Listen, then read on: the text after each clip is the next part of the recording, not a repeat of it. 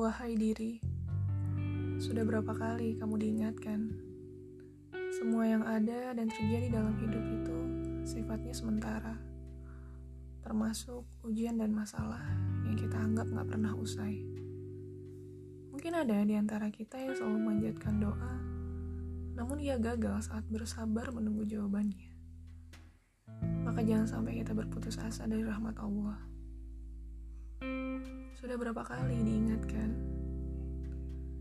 kita bisa mencari hal apa pun yang membuat hidup kita bahagia. Namun selama syukur tidak pernah kau panjatkan, dirimu tak akan pernah menemukan kebahagiaan yang sesungguhnya.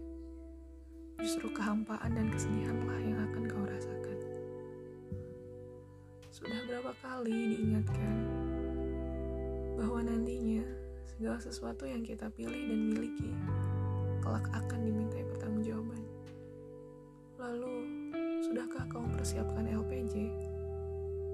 Iya, laporan pertanggungjawaban tentang aktivitas umur hidup. Ingatlah, semua yang kau gunakan akan dipertanyakan, baik tentang waktu, masa muda, harta, dan juga kesehatan.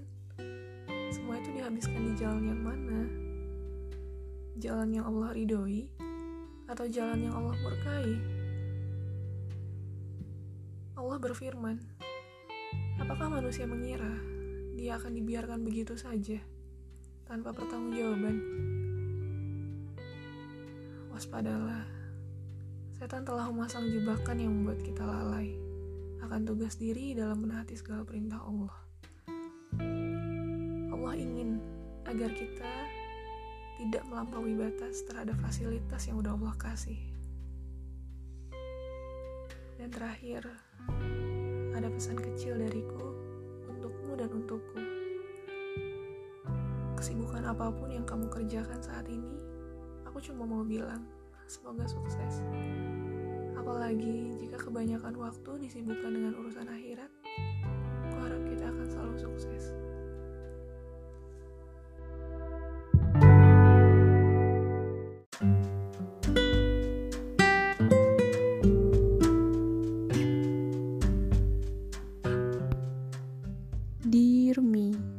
Apa kabarnya?